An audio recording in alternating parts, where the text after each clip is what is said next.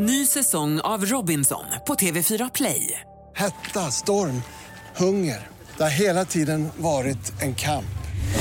Nu är det blod och tårar. Fan händer just nu. Det. är Detta är inte okej. Robinson 2024, nu fucking kör vi! Streama söndag på TV4 Play. Podplay. Hej och välkommen till Stora husbilspodden. I dagens avsnitt ska vi eh, kolla hur långt Sara och Tommy har tagit sig i sin resa mot Spanien. Och hur har de det egentligen i värmen, eh, Kroatienresenärerna Micke och Nilla? Och grillar, de är ju helt underbara att ha med sig. Men de är ju inte lika roliga att rengöra och vi pratar en del om detta. Det blir resmat, vi har mejlfråga och så lite Spanien-tips ifrån eh, Sara och Tommy för dig som leker med tanken att spendera vintern där i din husbil. Nu kör vi!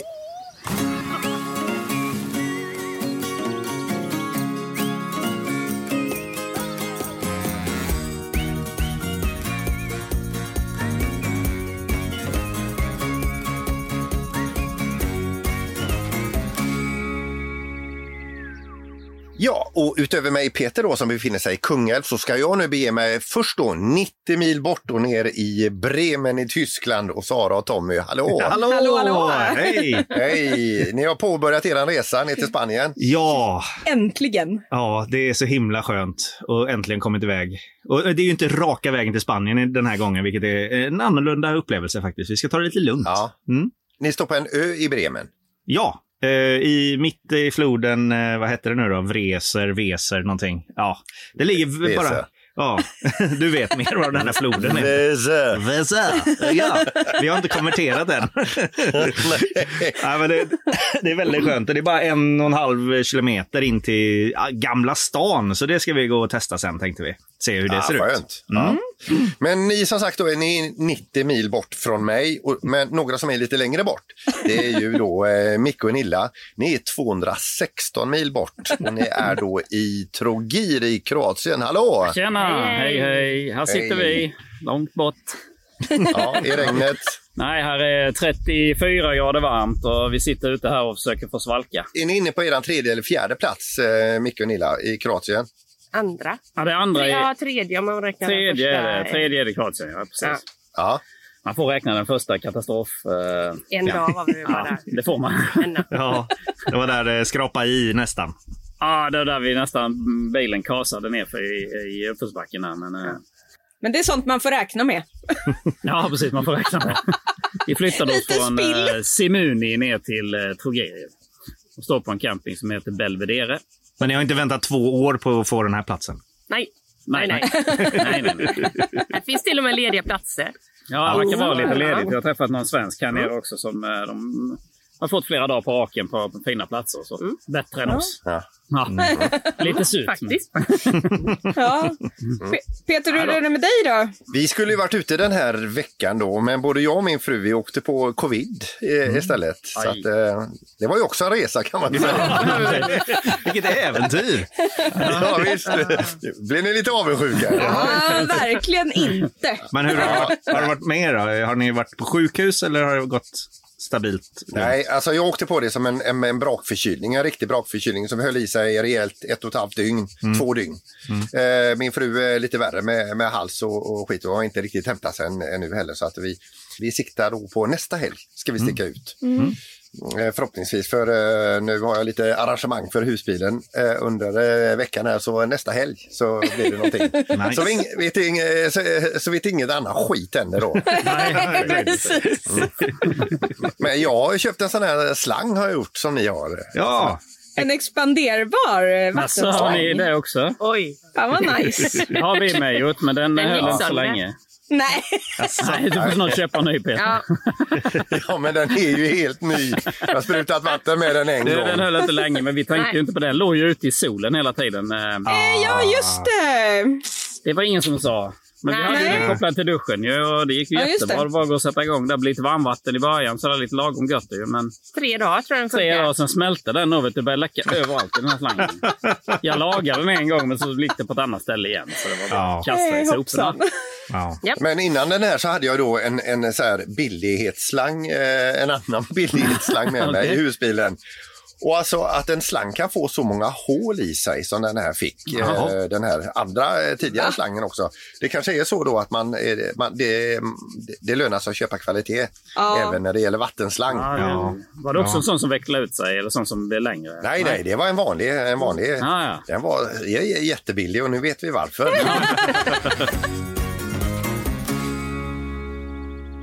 Det är ju så också att jag, jag skulle faktiskt vilja rikta ett jättetack till alla de som hör av sig och skriver till, eh, eh, till podden här. Det är superkul och tack för alla snälla ord, alla frågor, alla tips. Eh, att ni hänger med oss överhuvudtaget. Och vi ska ju säga det att om man vill kontakta oss så finns ju på storahusbilspodden gmail.com så heter ju våra mejladress, alltså storahusbilspodden gmail.com. Sen finns vi också då på eh, Facebook eh, där vi också heter då Stora husbilspodden. Och utöver det då så finns ju eh, Micke och Nilla, Tommy och Sara på eh, Youtube. Och Tommy och Saras eh, kanal heter ju eh, Our Backyard Europe och Micke och Nilla eh, Våra husbilsresor.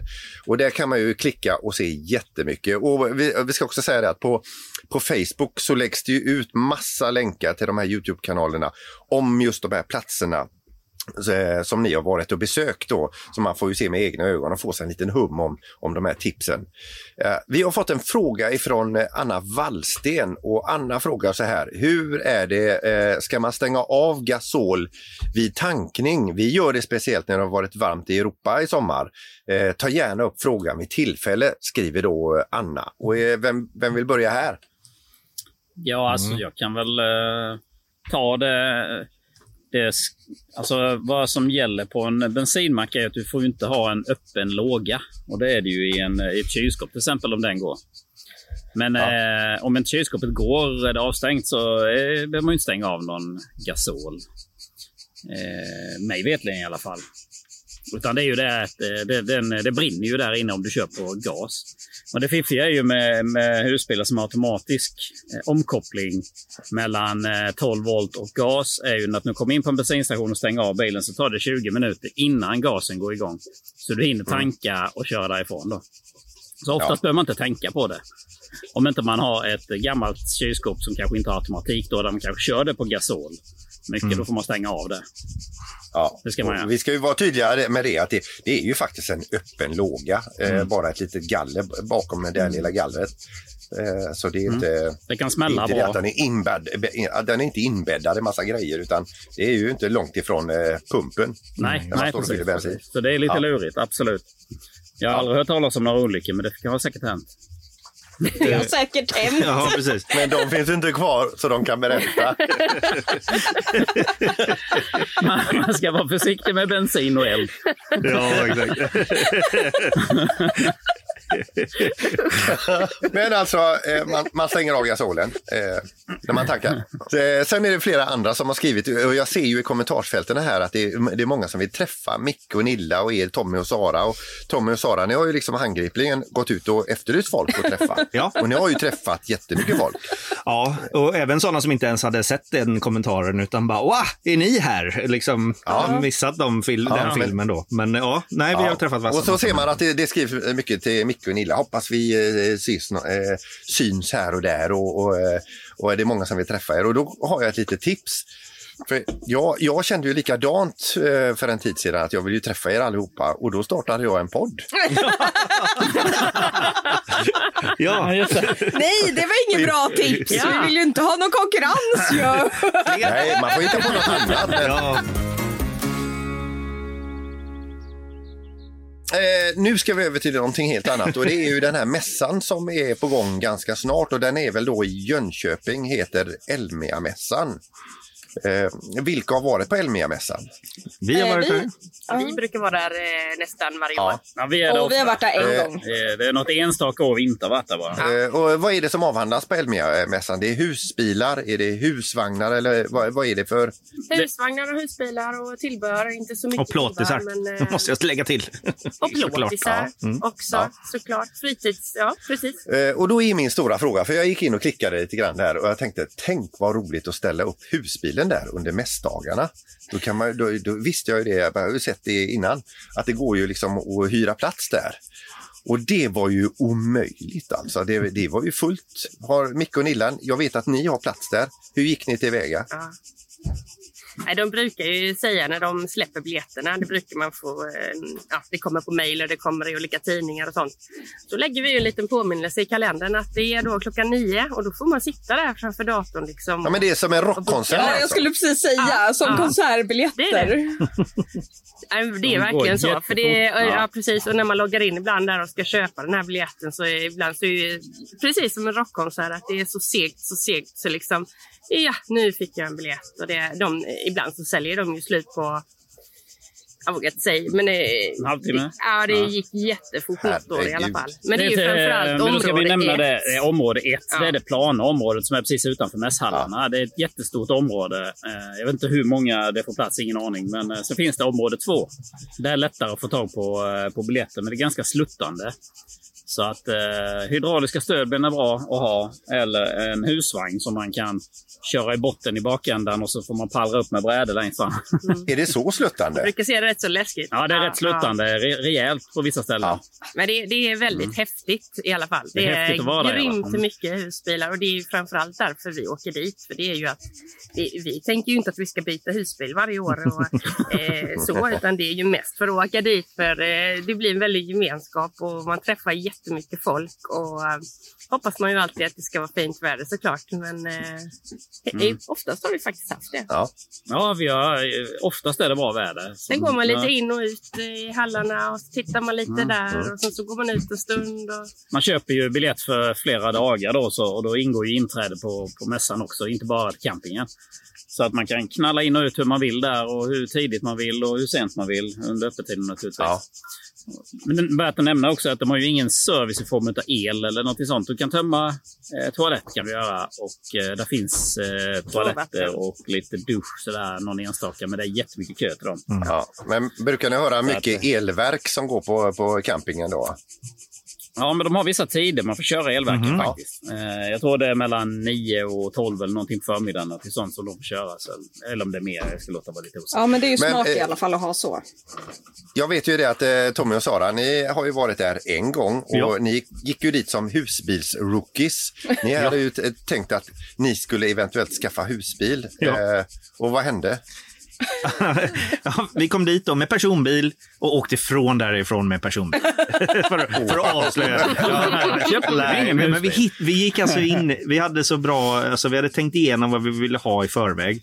Och vi var bara där några timmar. Och Ja. gick, gick in i säkert hundra bilar, olika husbilar.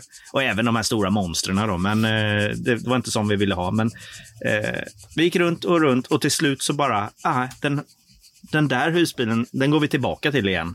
Och det var vår första husbil sen. Vi köpte nästan exakt likadan som den var. Det köpte vi bara någon vecka efteråt. Eh, ingen mässpris, ingenting, utan bara ja, från en annan handlare. Vi var på väg att beställa en fabriksny. Ja, Men eh, det här var i september och de sa att ja, ni kan eventuellt få den i mars. Och Tommy bara, nej, ska vi ha en, ska vi ha den nu? Så vi letar upp en, en eh, som, som finns redan. Liksom. Ja. Och det blev det. det blev det. Och eh, det var... Ja, Elmia-mässan i år är ju 7 till 11 september. Och det brukar väl ligga där omkring de datumen. Jag, vi, jag för mig vi skrev på det den skrev- 17 september. Ja, vi skrev på kontraktet på din födelsedag. Ja. Ja, Eh, så, det var ja. lite roligt. Så det var verkligen direkt efter mässan så skrev vi på ett kontrakt för en sån bil som vi hade hittat. Då. Och sen dess var vi husbilsägare. Ja, men Micke och Nilla, ni, ni har plats i alla fall. Ni har plats för husbil och eh, Ja. biljetter. Eh, Och, och ni Jajamän, har ingen jajamän. som sover i eran taksäng, eller? Det var så jag tänkte också. Hör vad du säger. Vi hör vad du säger.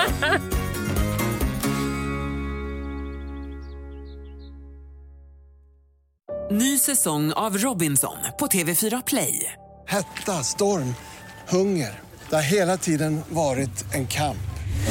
Nu är det blod och tårar. liksom. Fan händer just nu. Det. är Detta är inte okej. Robinson 2024, nu fucking kör vi!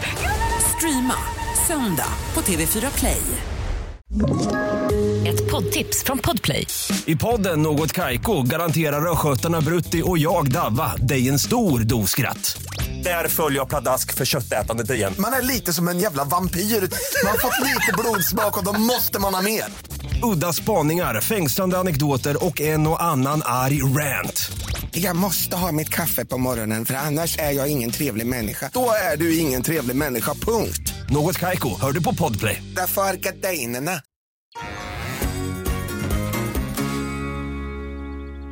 Eh, nu ska vi byta ämne här och nu ska vi över till någonting som jag tror de flesta av oss, eh, eh, de flesta av oss använder lite då och då. Och det är ju grillar. Det är ju underbart att grilla. Gunilla, du älskar ju grilla och allt det här va? Helst med kol, skulle jag tro. Helst med kol, det ska brinna. Ja. Men det är ju så att eh, vi, vi grillar, jag tror detta, att vi grillar när vi är ute med husbilen mest med gasol. Och nu, vad jag vill komma in på de här gasolgrillarna, det är att de blir ju så fruktansvärt feta, äckliga, inbrända, svårtvättade. Fan! Hur gör ni med era grillar för att få rent dem? Ja, Nilla, du steker väl på ett stekjärn? Ja, nej, det är alltså, ja, typ faktiskt. Just nu gör vi ju det. För att det vi, har ju, vi har ju bara med oss vår lilla eh, Cadillac. Nej, Ja, men vi har, ju, jag måste, vi har asat runt på den här Petromax-grillen som Ja, väger det får vi 10 inte kilo hela får rundan. Ja, jag flyttar. Jag gör inte att jag flyttar på den här grillen. nej. Ja, men nu avbryter det. Min Cadillac gasolen pratar vi om. Och det här är grilljärnet då som man kan lägga på. Sen har man ju en stekplatta också. Mm. Stekplattan är ju inga problem. Den är ju liksom eh, platt och blir inga Lätt att göra ren, ja. på den. ja. Ja, men så vill man ju grilla, få den här grillkänslan och då tar man det andra. Mm. Så kanske man har lite marinad och grejer där på och sen så rinner det ner emellan Mm. där i. Alltså det är ju inte kul. Jag har inget bra svar. Jag tar ju alltid med mig det hem som vi pratade om en gång. Sara där, vadå tar du med det hem? Ja, för det är mycket lättare att diska det där för jag vill inte ha in det i husbilen. Men eh, här har vi ju eh, camping, eh, alltså de här servicehusen har ju stora diskhoar så då får man ju gå bort och diska det där helt enkelt. Men alltså någon mirakelmedel har jag inte. Nej. Ja, det är, Nej, jag skulle gärna Nej, men vilja alltså, ha det. jag, jag, vet ju det, när jag, vi hade grillat i Kadaken första gången, den här lilla grillen då, så, och så tänkte jag det gång nummer två, nej men jag bränner rent den. Det, Mm. det går ju inte. Det går inte att bränna rent på riktigt alltså. Nej.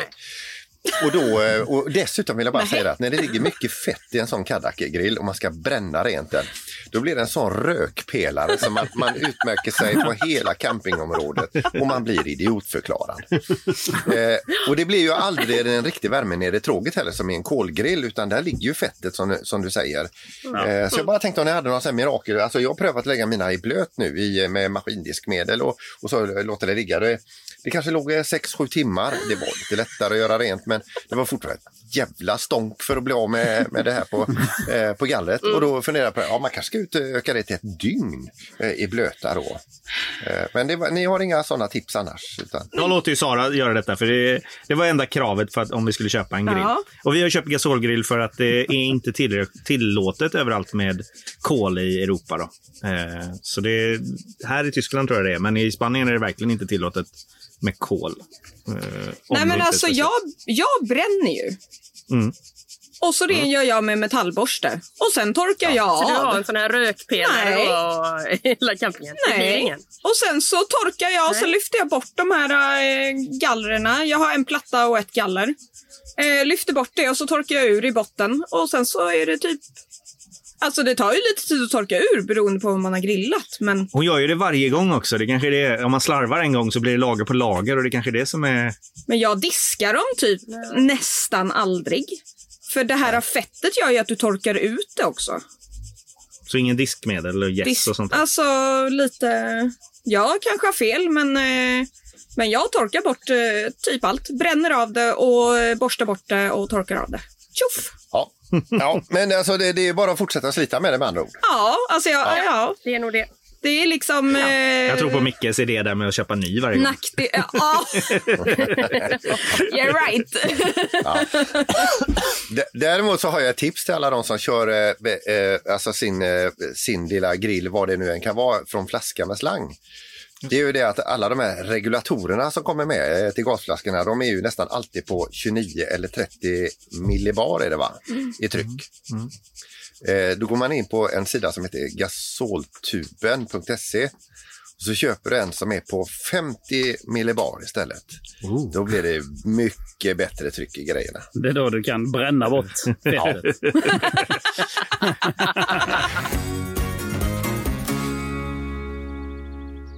Eh, jag, jag tänkte vi skulle komma över till, eh, nu när vi ändå pratar om eh, saker vi lagar mat med, alltså mat, alltså, det är ju en, en del av charmen att komma ut eh, med, med sin husbil och få äta eh, god mat.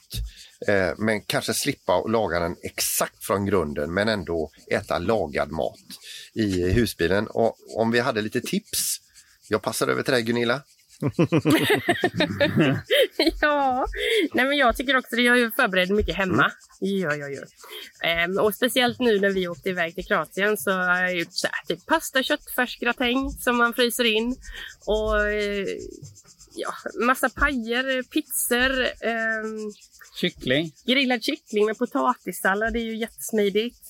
Eh, baguette med färdig röra, en köttfärssås också. Mm. Jag har till och med kvar en sån Ja. som man bara kan liksom koka pastan så bara i värma. Shit vad smidigt det låter att kunna förbereda.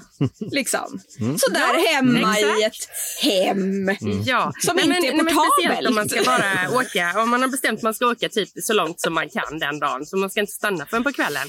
Då är det ju bra liksom att ha någonting som är klart. Man kanske inte vill gå in och käka på de här tråkiga rastplatsrestaurangerna. Det kan vara skitgott. lite så här. Alltså en eh, panerad eh, flundra med potatis och remouladsås. Den du. Den går inte av för hackor på rastaplatserna. Ja. ja. jag, håller, jag håller med dig om det på en sån här lite gasthouse. Mm. Ja.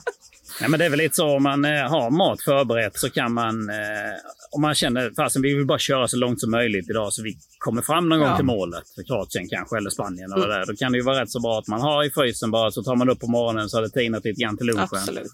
Sen stannar man snabbt och värmer till det kanske 20 minuter, en halvtimme max. Sen drar man vidare igen snabbt in och snabbt ut, Eh, liksom, på- jag, jag såg någon film där eh, Gunilla där du hade sovidat kyckling före hemma.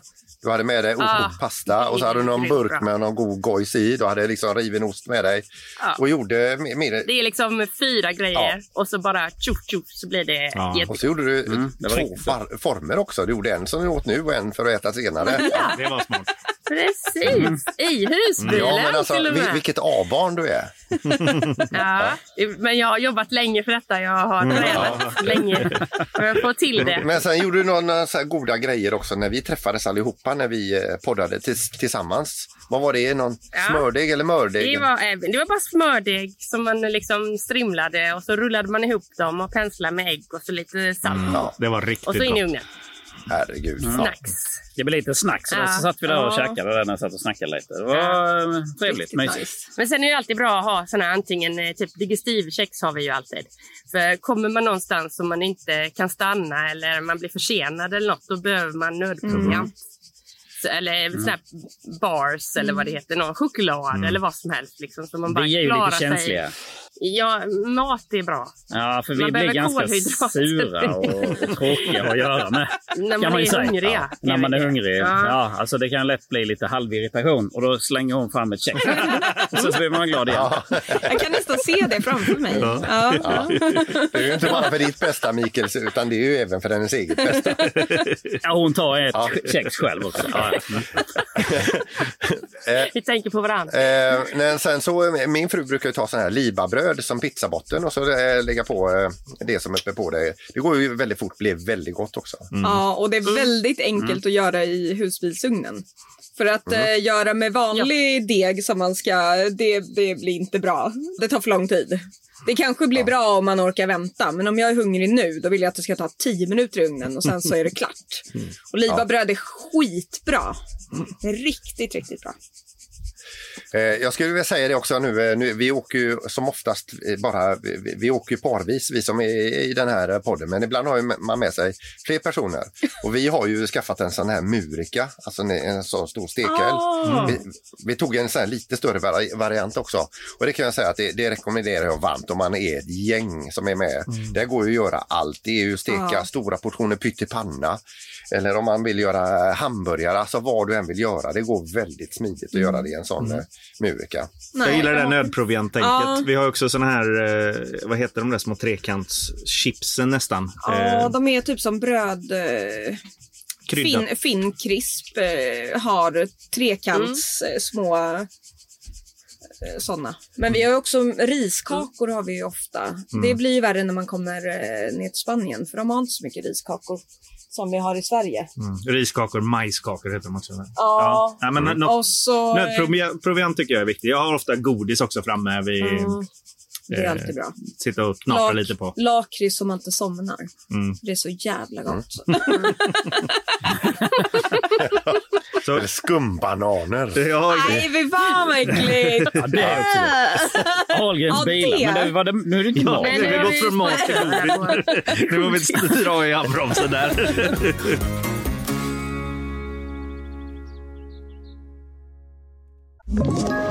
Ett poddtips från Podplay.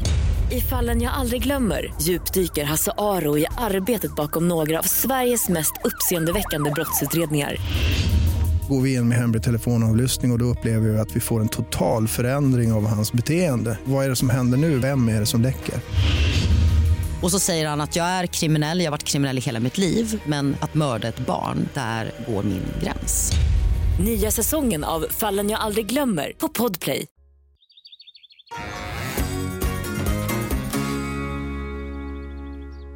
Jag tänkte en helt annan grej här nu om vi lämnar maten så är det som så att eh, sommaren börjar, börjar ju sakta men säkert gå mot sitt slut. Eller säsongen kan man säga. Och så kanske en och annan vill förlänga sin säsong och så tänker jag lite grann på er Tommy och Sara, ni som bor, ska ner och bo i Spanien nu. eh, Och, och ni har ju husbilen som är ert enda hem och så tänkte jag om någon kanske tycker att det låter asfräckt det ni gör. Eh, man har möjlighet, kanske har man gått i pension. Kanske kan man jobba så som ni gör ifrån husbilen eh, hemifrån. Eller man kan ta tjänstledigt om man vill bo i Spanien i sin husbil över vintern. Vad ska man tänka på då och vilka orter ska man åka till? Oj, oj, oj. Det, är mycket, mycket olika ställen kan man åka till. Eh, Vi, eh, vi har ju hängt både vid Costa Blanca och Costa del Sol på två olika säsonger. Och det är ju eh, sydöstkust i Spanien och syd-sydkust i Spanien. Bara för att vara tydlig där var de ligger, för det är inte alltid så lätt med de här Costa-ställena. Men eh, alltså det finns ju olika typer av campingar. En del åker ner och frikampar där nere eh, hela säsongen. Alltså nu, nu, du sa att säsongen börjar ta slut, men en del säsonger börjar då. Liksom. Det är då man åker iväg i sex månader och har en hel säsong där nere. Då. Ja, det är ju det som är hela grejen med Spanien. Ja, exakt. Och det är ju varmt. Liksom. Det var lite kallare nu eh, eh, i den här vintern som var än vad det har varit tidigare. Det var någon som beskrev det att det var ja, men 18 år sommar på vintern eh, har det varit, förutom nu den här vintern som var nu. då. Så om det är någon som har varit nere och kände att det var ganska kallt så skulle jag säga nej. Men eh, för att nämna några ställen då, för att eh, få, och få lite prisbilder, så har vi skrivit upp lite grejer här som jag läser lite innantill då. Eh, I Massaron har vi hört väldigt många som har varit. Eh, Camping Playa Massaron. Och det är med MAZ där. Eh, och det ligger vid Costa Blanca och där kostar det 25 euro eh, natten. Om man står eh, tillräckligt länge. Och vi har tittat på priserna när man står över 30 dagar. En del har priser som dalar. Alltså de dalar efter tre dagar ibland, efter 10 dagar och efter 30 dagar. Och sen har vi sett de som dalar efter 60 och 90 dagar och sånt. Så det, prisbilden kan man få helt olika på olika ställen. eh. Till slut kan man ha det som inkomst. Ja, exakt. Man tjänar pengar när man stått där 180 dagar. Men så det stället var, landade någonstans efter 30 dagar på typ 25 euro natten. Och det, det är väl de bland det dyraste stället vi har som exempel här nu då. Eh, och då 250 kronor, lite snabb huvudräkning. Sju, sju och ett halvt per månad då? Ja, exakt. Och det är det bland det dyraste stället. Eh, för ett annat ställe som vi eh, har hört, vi har inte varit inne på vark... Vi var vid Massaron en sväng. Ja, men vi men det- badade bara där och sen drog vi vidare. Så det blev, vi har inte varit där, så jag har ingen tips om hur bra campingen är. Men det är camping det här när vi pratar om. Sen har vi ett ställe som heter Lomonte Resort. Ligger också vid Costa Blanca, lite längre söd norrut blir det än den Norrut. förra. Mm. Och då kostar det bara 20 euro eh, på de här 30 dagarna om man står i 30 dagar. Eh, så då, då dalade ju priset lite då till 6 000 i månaden kanske. Sen går vi vidare till ett ställe vi stod på första vintern vi var nere. Eh, La Ribera ställplats istället. Eh, nu har vi pratat om två campingar, då kostar de 25 och 20. På den ställplatsen där vi stod, i San Javier, också Costa Blanca, där kostade det då 8 euro natten istället. Ja. Oj! Ja, För de minsta platserna. för de minsta platserna. Eh, och när man har stått då över 30 dagar. Eh, det, och det, de stor, större platserna kommer man upp i kanske 12 euro. Och då är det stora som där, där amerikanarna står. Alltså amerikanska stora jättebilar. Eh, då kostar det 12 euro natten. Ungefär, alltså, om vi tittar på mitt i vintern, hur är klimatet? Alltså, hur, eh, hur är vädret? Hur varmt är det? Regnar det mycket? Eh, regn... Regnar det aldrig? Re- mitt, I mitt minne så säger jag regnar aldrig, men när det regnar så regnar det mycket under kort tid så det kan bli lite så här floder ibland. Men eh, eh, vi har ju shorts och t-shirt på oss i princip varje dag. Men på kvällen får man ta på sig en tröja och långbyxor. Eh, och eh, några kvällar har vi även tagit på oss jacka då. När man, om man är ute och typ nyår, man får stå ute, då tar man en liten tunn jacka på sig.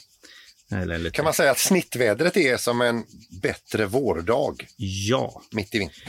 Alltså, Nej. Skill nej, skillnaden är nog solen värmer mer på dagen. Det tycker jag. Alltså vårdag... Än en vårdag, ja. Ja, ja, men, ja, precis. För vårdagen har kalla vindar. Det har du inte riktigt där nere. Eh, så som vi upplevt det. Eh, har, har ni träffat eh, sve- svenskar som har eh, liksom, eh, långlegat nere i Spanien och, och kör vintern där nere? Ja, väldigt många. Eh, det är väl mest pensionärer vi har träffat som är där nere och kör långtid. Men åker de ner som ett gäng då eller åker de ner bara ett par? Jag, jag skulle säga att man åker ner själv eller ett par.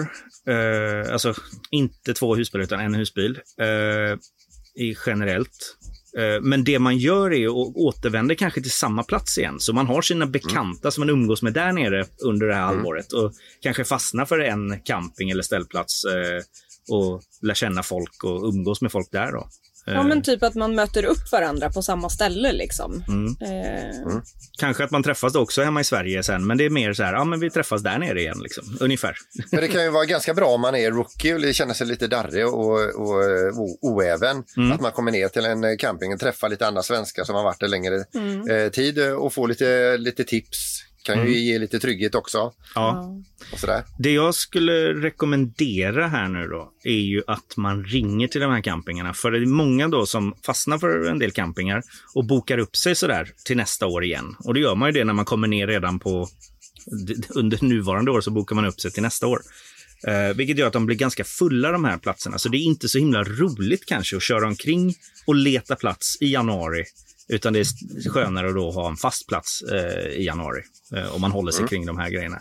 Så jag skulle rekommendera att ringa till campingen och kolla. Finns det plats typ någonstans från december till mars eller något sånt där? För det är då det, eller december till februari skulle jag nog eh, kolla. Alltså hela december, hela januari eller något sånt där. För då är det ganska många som står still eh, och inte rör på sig. Och hur, hur ställer man den här frågan på spanska nu då? Ha- habla español, eh, säger man. Och så är man good. nej. Habla ingles? Ja, så säger man. Ja. Eh, annars, ja. så, annars så kommer man ingen vart själv. Om Ja. man inte kan spanska. Ja. Nej, men det är väldigt många som är vana vid tyskar, nederländare och svenskar som, och eh, engelsmän också som kommer dit. Eh, Så de är väldigt bra på engelska, många av dem som jobbar i de här, speciellt campingarna och de större ställplatserna. Eh, Så det. Nej, men jag, bara, jag, jag ställde frågan för jag, jag tänkte om eh, någon av våra lyssnare är, som går och liksom bara en kittlande tanke att göra detta över vintern. Mm. Eh, för att man har möjlighet att göra det så eh, kan det vara gott att veta lite grann vad Ja. det kostar, vart man tar vägen, hur det funkar. Ja, så det landar någonstans mellan 3000 till 7000 om man eh, hårdrar det. Mm, eh, mm. På lång sikt där. Eh, På en månad. På en per månad. Ja. Eh, att stå där nere. Det får bli vårt restips nästan idag. Ja, det är mycket information där. Alltså man kan ju grotta ner sig väldigt långt i det här. Eh, vi, vi har en till som jag skulle vilja tipsa om som vi gillade, som var en liten eh, rackarns ställplats som låg i Benalgalbon. Benagalbon. Eh, det är något franskt ord. Bara att säga det. Ja, exakt. Det har vi haft problem med alla gånger vi ska försöka. Benagabon. Så, eh, men eh, Camper Area El Rincon. Liten mysig ställplats. Påminner lite om den Micke och Nilla var på. En sån här rund camping där ett servicehus i mitten. Eller rund ställplats. Och så alla Ah, hus ja. runt så. Eh, jag skulle säga att den här var nog mindre. Och så var det små buskar emellan så här. Eh, ja, det, eller det Den var är. jättemysig. Den var jättemysig. Och de hade ju ja, typ restaurang, fast de hade med servicehuset var ju, ja men det fanns toa och dusch, men det var ju också då eh, receptionen med en eh, liten, vad heter det, shop. Och eh, man kunde köpa då billig öl där i mitten och de hade lite restaurang och man kunde få lite mat och så. Men den rekommenderar vi. mysigt. Den rekommenderar vi. 14 euro kostade den eh, per natt att stå. Så det, Härligt. Tack för Spanien. Ja, tack. nu kör vi. Ja, tack. Ja, vi tackar för Spanien, men nu ska vi hem till någonting mycket enklare och det är ju någonting som blir mer och mer eh, kanske besökt nu när eftersäsongen drar igång och det är ju ställplatserna. Eh, alltså, borde det inte finnas fler ställplatser? Absolut, det finns ju alldeles för lite ställplatser. Hur, hur tråkigt är det inte att komma fram till en plats och sen är det fullt. Och så kör man vidare till nästa och sen är den full. Tommy och Sara, jag såg ju ni hade en video där ni fick ringa runt och ni höll Ja. på. Och det var ju eh, hopplöst. Det är liksom inte så spontant att bara köra Nej, runt. ty- liksom. det känns som hamnarna blir, blir, är ju populära ställplatser och de, de, där, där vi körde ner, där var det ju bara sju platser eller något sånt där och det är ju alldeles för lite egentligen. Då. Eh, Får man en sån plats så måste man ju stå kvar på den i flera dagar för att eh, vara säker på att få en plats. men ja, nej men det, Ja, men det, så är det då, då, då vill man ju bara ha någon plats i närheten av den stan kanske eller något sånt där. Att det, någon, som du var inne på Micke någon gång, eh, en bonde som kanske har lite mark över och kan bjuda på någon plats.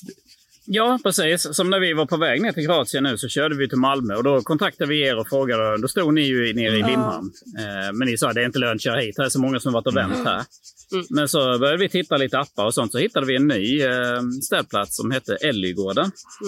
Eh, låg eh, ganska nära brofästet. Det var inte mer än eh, tio minuter så var man på bron.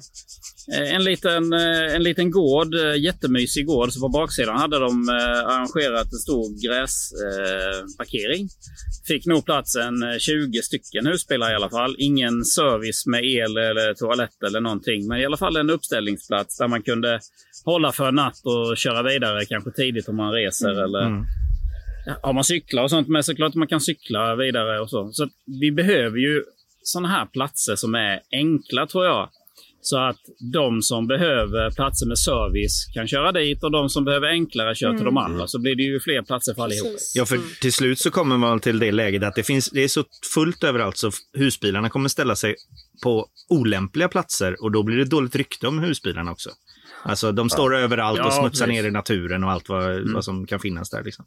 Så, Men vi kan ju säga det också att de här riktigt små orterna, de här fina fiskesamhällena eller de här eh, pärlorna ut med kusten och så finns det kanske mellan fem och sju platser.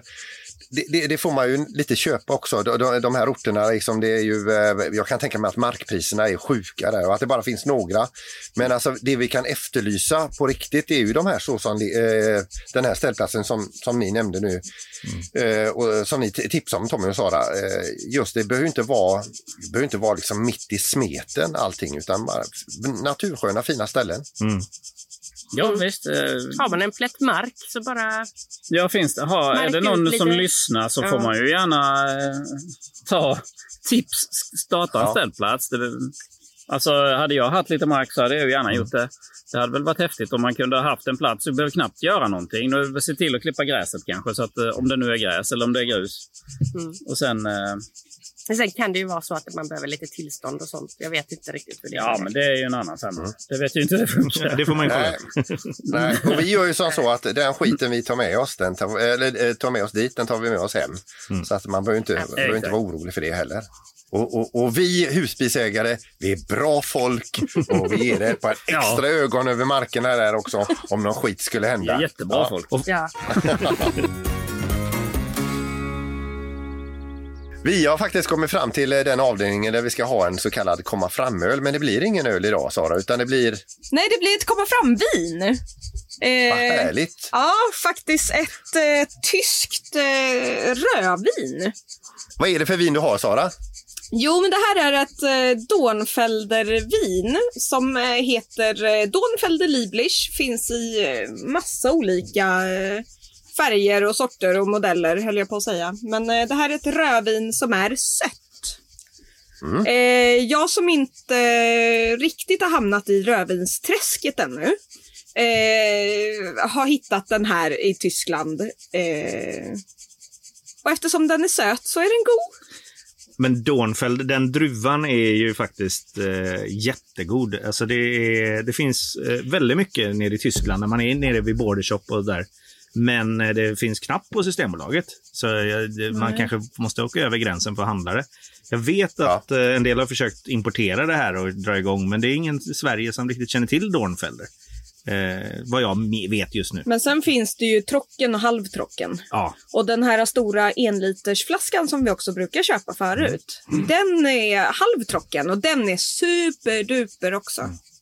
det betyder ju torr och halvtorr. Halv, då för, Halvtorrt rödvin. och det här är ju sött. Och det här är sött. Mm. Så jag pendlar mellan halvtrocken och, och Lieblich. Sen hur man uttalar det på tyska, det är ju en annan femma. Men, Och min, min fråga till er båda är det, ska vi prata eller ska vi trycka? Fram med jag ska bara ta glasen! glasen, glasen. ja. Yes. Tack. Men eh, i alla fall, ett rött sött vin ifrån eh, Tyskland. Dornfelder. Välkommen fram! Välkommen fram! Skål! Skål! Skål! Välkomna Skål, fram! skål. Eh, Det innebär ju också att vi, har, eh, att vi är färdiga för idag. Och eh, nästa avsnitt, då Micke och Nilla, då kanske ni sakta men säkert börjar och förbereda er för att åka hem. Ja, om vi inte blir kvar här. Nej. Nej, vi får nog ta oss hemåt. Och Tommy och Sara, vad, vad, tror, ni att ni, vad tror ni att ni är någonstans eh, nästa avsnitt? Vi kommer att åka in i Nederländerna eh, nästa gång vi kör. Eh, så Mm. kanske Nederländerna, Belgien där någonstans. Vi, eh, vi gör så att vi släpper handbromsen. Vi tackar för det här avsnittet och så hörs vi snart igen. Det gör vi. Det gör vi. Ja, Gör tack vi. så mycket. Det bra. Hej då! Hej då!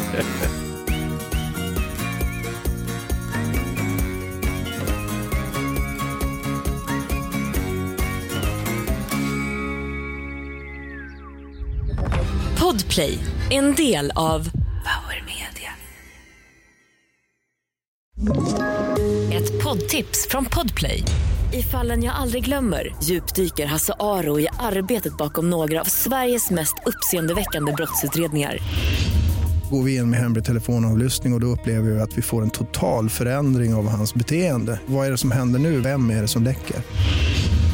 Och så säger han att jag är kriminell, jag har varit kriminell i hela mitt liv men att mörda ett barn, där går min gräns. Nya säsongen av Fallen jag aldrig glömmer på Podplay.